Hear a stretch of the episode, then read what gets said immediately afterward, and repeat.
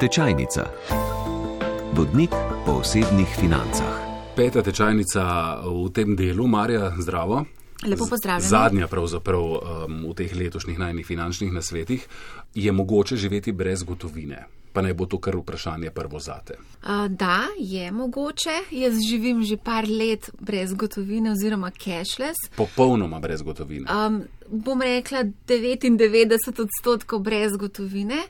Vedno imam gotovino pri sebi oziroma kovance, ko grem k frizerju, kozmetičarki ali v restauracijo, ker vedno pustim tudi napitnino. V času poletja, ko so ulični nastopi, performeri, imam tudi pri sebi nekaj kovancev, zato da vržem v klobuk. Pa dosti, kar se mi zgodi, da ko se zaklepetam s kakšnim beračem, da grem tudi potem na bankomat, dvigni denar, zato da lahko mu um, dam uh, tudi kakšen evro. Uh, ja, živim, uh, kar se da brez gotovine in moram priznati, da je predvsej izzivov, ampak se pa da. Aha, če, se pravi, to zdaj ni najbolj enostavna stvar živeti brez gotovine, če prav razumem. Ne, zaradi tega, ker živimo v taki družbi, ker še vedno predvsej uporabljamo gotovino. Banka Slovenije je povedala pred časom, da 80 odstotkov nakupov pravimo z gotovino. To je kar predvsej velik odstotek.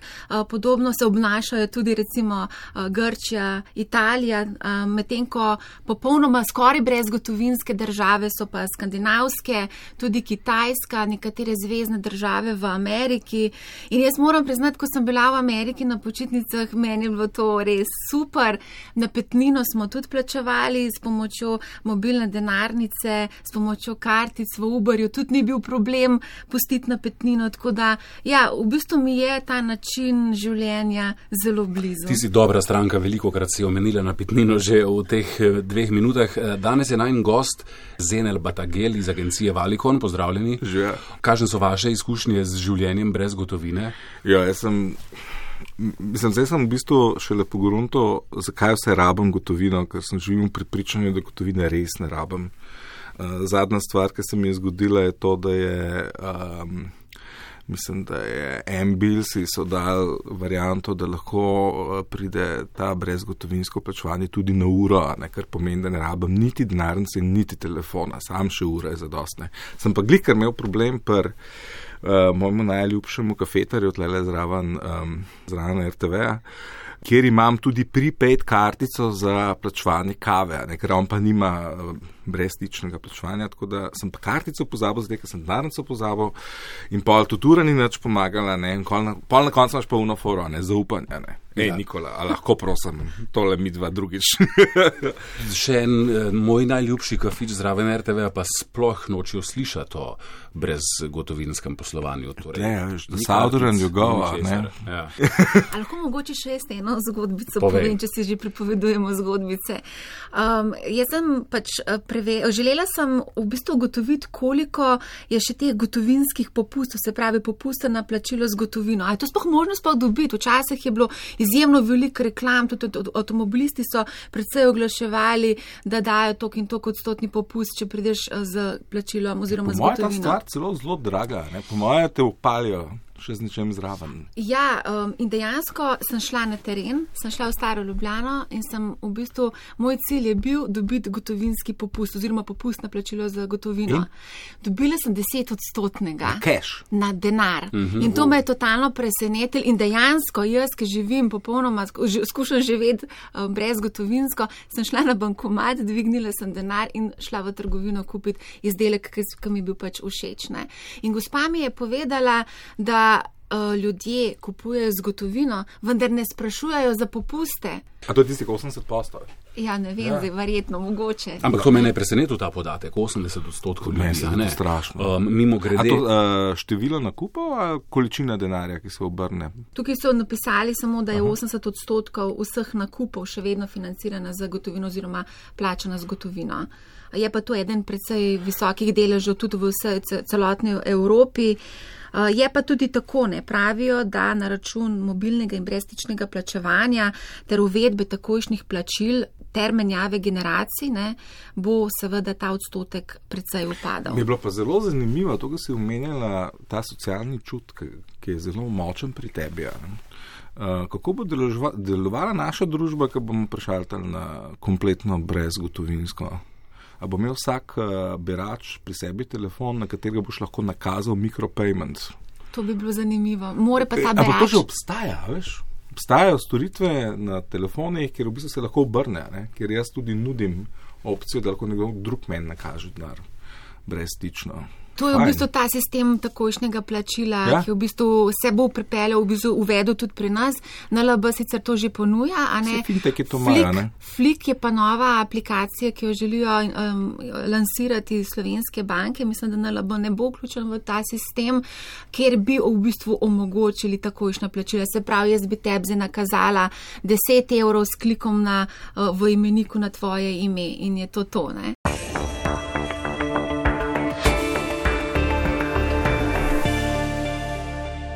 Švedska naj bi do leta 2023 bila brez gotovine. Eh, Zenel, vi ste bili na finskem, menda niste videli. Jaz denarja, nisem videl, celo so me malo pozorili, da me bojo malo čuden gledali, če bom kaj preveč z denarjem. Kako to zgleda v praksi? Je Mislim, nič, ne, tam imaš svojo uro, imaš svoj telefon in veselo plačuješ. In to to. No, ampak se je nekomu iz Slovenije težko navaditi na to. Bi sem promislen, da ne. Jaz sem se končno počutil tako, kot sem tako. Tam sem se res dobro počutil in mal, mal mrzlo je bilo. Plačilo z Ja. mobilno denarnico je tako preprosto, da bolj kot, mislim, še bolj varno, ne? Tudi bolj varno je. Ja. Ker je Um, vezano na prstni vtis. Mogoče samo tukaj ena informacija, kar se tiče uporabe teh sodobnih tehnologij in pa same finančne pismenosti. Mi se tukaj pogovarjamo o vseh teh tehnoloških inovacijah, ne pogovarjamo se pa o osnovah finančnih pismenosti. Problem je to, da ljudje nekako jih zapelje pri uporabi teh eh, tehnologij v prekomerno trošenje, uh -huh. ker nimajo občutka, ne znajo se ustaviti. Gre za hipno zadovoljevanje potreb in samo klik, klik, pa si že kupil delnico, klik, klik, pa si kupil kriptovalute, klik, klik, ima že posojilo in je vse klik stran. Ne? In tukaj je treba predvsem delati na finančni pismenosti, kar pa se v Sloveniji žal še ne dogaja v takem obsegu, Ta klik ekonomija, ki si omenila, je v bistvu zelo zanimiva. Uh, namreč vse te aplikacije, ki obstajajo, prihajajo z enimi drugimi poslovnimi modeli. Ven, ne, In se zelo veliko ukvarjajo s tem, kako v bistvu iz uporabniške izkušnje narediti igrico. Pa Oni izhajajo iz igričarskega sveta, ne. Zdaj pa kako pa igrice funkcionirajo in kako narediti zadevo adiktiv, sprav, kako se to reče. To je Zasvojljivo. zasvoljivo. Mm. Ja. To, je, to je ta problem. Mogoče niti ni toliko problem finančne pismenosti, tukaj kot to, da pridemo verjetno v en, v en drug način funkcioniranja, ker vse te naše omejitve, ki jih imamo v glavi, odpovejo. Ne? No, ampak ravno mladi ne, so najbrž bolj dovzetni za te sodobne tehnologije in ravno oni so tisti, ki so, sodeč po raziskavah, manj finančno pismeni. Ne. Predvidevam, da je teže nadzirati dejansko svojo porabo, če posluješ popolnoma brezgotovinsko. V Ameriki so naredili raziskavo med milenici, kjer so ugotovili, milenici so že v sami osnovi predvsej finančno nepismeni, radi pa uporabljajo vse možne sodobne rešitve. 90 odstotkov jih ima, če ne celo, celo več, pametne telefone in v bistvu je fajn, da lahko plačaš zelo hitro, da lahko kupiš delnice, trguješ in vse ostalo delaš s telefonom, vendar so ugotovili, da vsi ti milenici a, prekomerno trošijo in tudi tisti, ki uporabljajo telefone za spremljanje svojih osebnih financ, gredo pogosto v rdeče številke. Torej, tukaj so ugotovili, da je vseeno neka povezava med finančno pismenostjo in pa uporabo sodobnih tehnologij. Eh, Kar se pa tiče same spremljave, jaz mislim, da je uporaba teh tehnologij ti omogoča lažje spremljanje svojih financ. Ampak tehnologija te ne more obvarovati pred lastno neumnostjo. Ja, sem, tukaj je drug problem. Ne? Smo, na eni strani imamo tehnologijo, ki olajša plačevanje in trošenje. Ta tehnologija je bistveno bolj transparentna in za sabo pušča sledi, na podlagi katerih se bodo finančne institucije lažje odločale, ti bojo dali možnost, da greš v rdeče številke ali ne. ne. Tako da to je čist drugo vprašanje, ali, kaj se dogaja z rdečimi številkami. Večina teh sistemov, fintechov, ne, prihaja tako, tako iz sveta tako imenovanega prepaida, predplačništva, kjer dejansko ti naložiš svoj denar gor in potem, ko ga zmanjka, potem ga tako ne moš več trošiti. Tako da verjetno so to bolj ameriške izkušnje, ker cel sistem je bolj naštiman, da gremo trošiti, da gremo trošiti in dam ti kredit, red, kot ga že pač potrebuješ. Mislim, da v Sloveniji, smo tako mal bolj um, tradicionalni, sploh nač bančni sistem, uh, verjetno teh težav tukaj ne bomo imeli v toliko veliki meri, kot kar druge.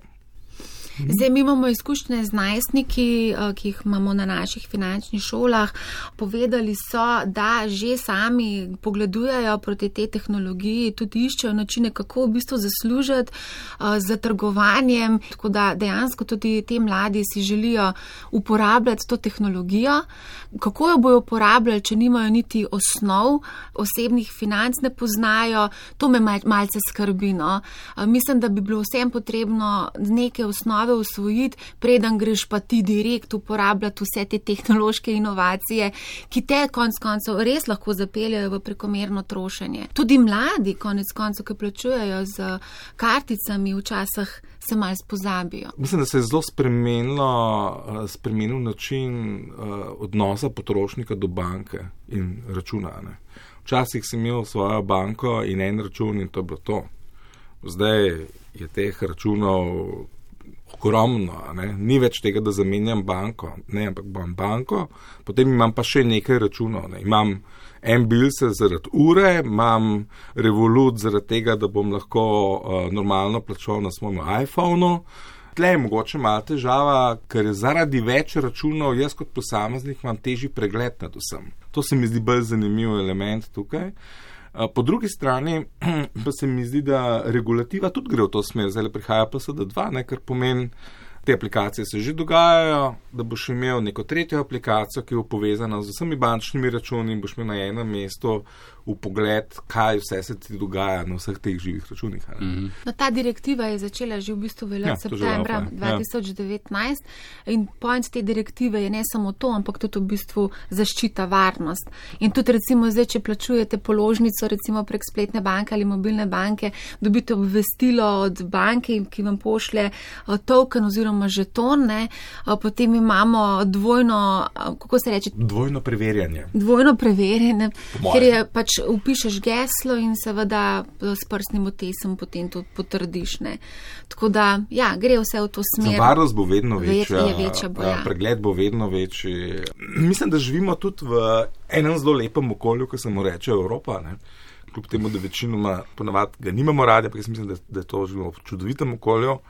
Ki pazi na to, da je potrošnik maksimalno zavarovan in da grde, grde korporacije to čim manj izkoriščajo. Ne. In GDPR se je zgodil, in pa SD2 se je zgodil. Tako da vse stvari bojo šle na stran potrošnika. Ne. Potrošnik pa zdaj v tem digitalnem svetu se mi zdi, da pa še ni opremljen z znanjem, da bi znal s tem pazljivo delati. Tu, tu mislim, da je glavno. Ne. Nisem finančno pismenjevanje in finančna pismenost, le gre na splošno za digitalno pismenost, ki se mi zdi, da je dosti na nizkem nivoju. Sploh, tukaj, če ne gre pri finančni pismenosti, niso tako gromozanske razlike uh, v populaciji, valjda glavna, glavna uh, razlika med neizobraženimi in izobraženimi. Uh, mlajši so malce slabše, ne, ampak pri digitalni pismenosti so pa te stvari, te razlike gromozanske. Ja, in ravno obratno najvrš. Ja, ja, Mislim, ja, ja. Tam so starejši tisti, ki so verjetno bolj na tankem ledu pri digitalni digitalizaciji. Uh, kako bo babica dala v tem svetu mi malo denarja za božič? Recimo, ja, ja vnuček, ki bo povedal, kako se to naredi. Ja, babici boš najprej kupil pametni telefon. No, to, naložil ji boš aplikacijo Flik in ji povedal, kako te poišče, kako poišče tvoje ime v imeniku in ti pošle denar. Ampak zakaj pa mora tebi babica dati? Se ni treba, denar? ona želi to dati. A želi, ja, ja, ja. ja to je to, to je po moje način, kako v bistvu se bomo izmenjavali v bistvu denar. To posledično tudi pomeni, da se bomo poslovili mogoče od bankomatov. Um, tam smo videli pri finančnih pismenosti, da so v bistvu starejši ljudje bolj finančno pismeni, mm -hmm. mlajši manj. Na drugi strani so mlajši bolj digitalno pismeni, starejši manj. Kakšno krasno sodelovanje. Ja, in, in v bistvu ta simbioza že ja. zdaj zelo dobro funkcionira. Uh, se pravi, če so. Uh, Od vnuki, otroci, tisti, ki fin, uh, digitalno pismujejo, pis, menjujejo. menjujejo ja. beseda, um, svoje stare starše, je pa v bistvu uh, ta prenos odnosa do denarja, kar je v bistvu zelo povezan z vrednotnim sistemom, ki ga pa otroci več ne dobijo, ker tega pač v šoli ni več, ne, se pa zgodi iz druge smeri, se pravi, uh, stari starši na otroke. Ne. In ta tim blazno dobro dela, blazno dobro dela. In tukaj mislim, mislim, da je bil en program simbioza ali nekaj tasga. Ne? Uh, po mojem se treba začeti zavedati, da sta te smeri v oboje stranski, da ni sam mladi proti starejšim. Kako bomo pa zdaj um, prehranili preplačilu mojstra, ki pride pobeliti ali pa pošmirglati parket, če ne bo več gotovine? Ja, kako bomo prihranili, mislim, kako to bi. Jaz sem res prej brez davka in tako naprej, zdaj ja, pa kaj. Ne, jaz sem absolutno proti temu, da utajujemo davke. Živimo v socialni državi, zavedati se je treba, kaj vse z davki financiramo, zgradimo hiše, šole, um, bol, bolnice, ceste. Dosti krat nas otroci v šoli mi povejo, da je, šolstvo, da je šola za ston. Nič ni za ston, vse se plača in absolutno moramo se zavedati tudi svoje odgovornosti in plačevati davke in noč delati na podmizo na črno. Kar pomeni, da bi življenje brez gotovine um, prineslo. Tako. Pri vsaki inovaciji je tako, da obstaja sistem, ki deluje ne? in zdaj inovacija je prišla noter in nekateri je ne bojo imeli prav radija. Ne? Transparentnost ni vedno najbolj fajn. Mislim, da bo to en glavnih odporov, bo pravzaprav točno ta siva ekonomija, o kateri razlagaš. Eh, ne bo tako velik problem v tem, da bojo berači dobili denar in nepetnine. Tole bo glavni problem. Ne? In tukaj se bo pač neka industrija zelo, zelo borila za to, da se cashless society ne bo zgodilo. Da se odmika. Ja. Se pravi, to je v bistvu tudi nekakšna posledica naše preteklosti, ta siva ekonomija in ja. utajevanje davkov. V Skandinaviji recimo s tem ni nobenih težav. Ker jim na mislu ne pride. Ne misel. Ampak kaj ja. se mora zgoditi v mentaliteti slovencev, da bomo razumeli to? Ne, ker v bistvu moramo se zavedati, da blaginja naroda je odvisna od blaginje vsakega posameznika in moramo delati tudi na tem. Po mojem, nas čaka kot nacijo eno glavno vprašanje, ali bomo zdaj končno odrezali popkovino z Balkanom in se bomo začeli obnašati tako, kot neka druga nacija, kateri težimo. Naš vrednotni sistem je veliko bliže protestantskim državam uh, tam na severu, kot kar tem državam na jugovzhodu. In ko bomo to naredili, ne, bo pa bojo morali tudi naše dejanja slediti temu. To je pač stvar, ki nas zdaj v kratkem čaka. Uh, ta nova generacija Y, mislim, da je že to naredila, to je generacija, ki je letela z avioni na okol, uh, moče sem pa, ker so malo skočili na morje, ampak načeloma njihove počitnice so nekje po zimi in grejo na Tajsko. Tako da um, mislim, da uh, nas čakajo lepi časi in s tem zmenjavo generacij se lahko zgodijo ti veliki tektonski premiki v naši družbi.